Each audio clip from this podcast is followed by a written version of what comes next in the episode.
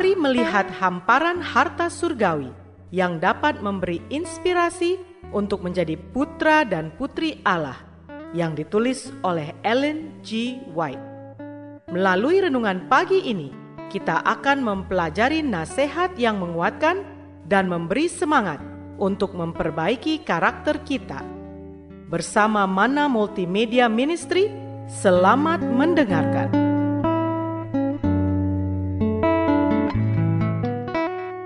Shalom, selamat pagi saudaraku. Renungan pagi kita hari ini, 15 November, berjudul Bajaklah Tanah Kosong. Bersama saya, Samuel Nainggolan.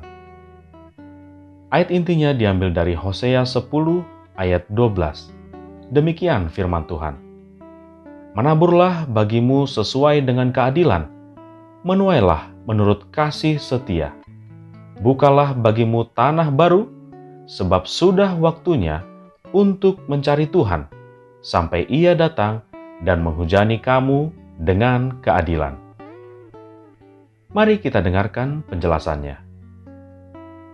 Prinsip-prinsip kebenaran harus terjalin dengan karakter dan kehidupan kita.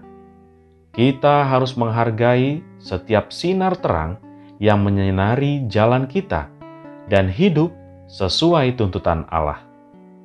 Kita harus tumbuh dalam kerohanian.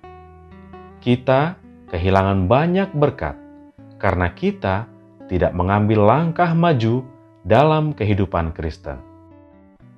Para anggota gereja Kristus harus mengumpulkan sinar terang ilahi dari Yesus dan memantulkannya kepada orang lain, meninggalkan jejak yang terang ke arah surga di dunia.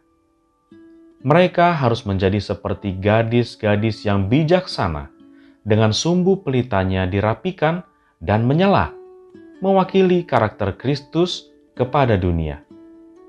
Kita tidak harusnya puas dengan hal-hal yang lebih rendah daripada ini. Kita tidak harus puas dengan kebenaran kita sendiri, dan tidak puas tanpa gerakan mendalam dari Roh Allah. Kristus berkata, "Di luar Aku, kamu tidak dapat berbuat apa-apa." Ini menandakan kehampaan begitu nyata dalam kehidupan banyak orang yang membuat kita khawatir karena kita tahu bahwa ini adalah bukti bahwa mereka belum merasakan kuasa pertobatan Kristus di hati mereka. Anda mungkin melihat dari dahan paling atas ke cabang terendah dari pekerjaan mereka, dan Anda tidak akan menemukan apa pun selain daun. Tuhan menginginkan kita untuk naik ke standar yang lebih tinggi, bukan kehendaknya bahwa kita harus memiliki kekurangan kerohanian.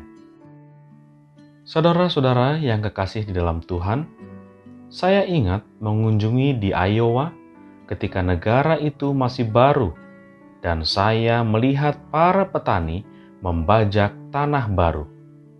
Saya perhatikan bahwa mereka memiliki anggota tim yang banyak dan melakukan upaya luar biasa untuk membuat galian yang dalam. Tetapi para pekerja memperoleh kekuatan dan otot dengan menggunakan kekuatan fisik mereka. Itu akan membuat para orang muda kita kuat untuk pergi ke ladang-ladang baru dan membajak tanah kosong hati orang-orang. Pekerjaan ini membuat mereka lebih dekat kepada Tuhan. Mereka akan mendapatkan efisiensi dan kemampuan dengan menguasai kesulitan dan mengatasi hambatan. Doa kita hari ini. Bapa, terima kasih.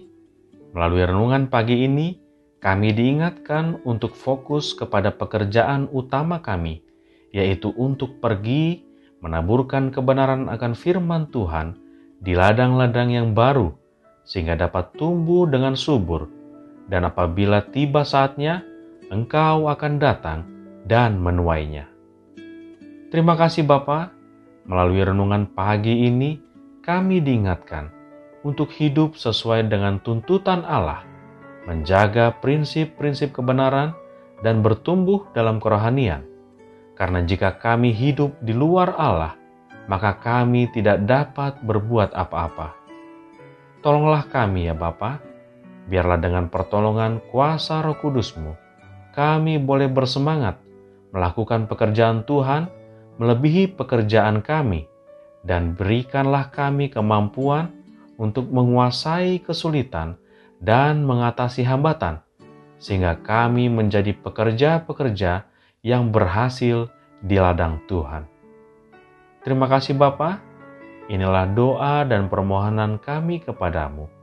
Dan biarlah kehendakmu yang jadi atas kami, di dalam nama Yesus kami berdoa. Amin.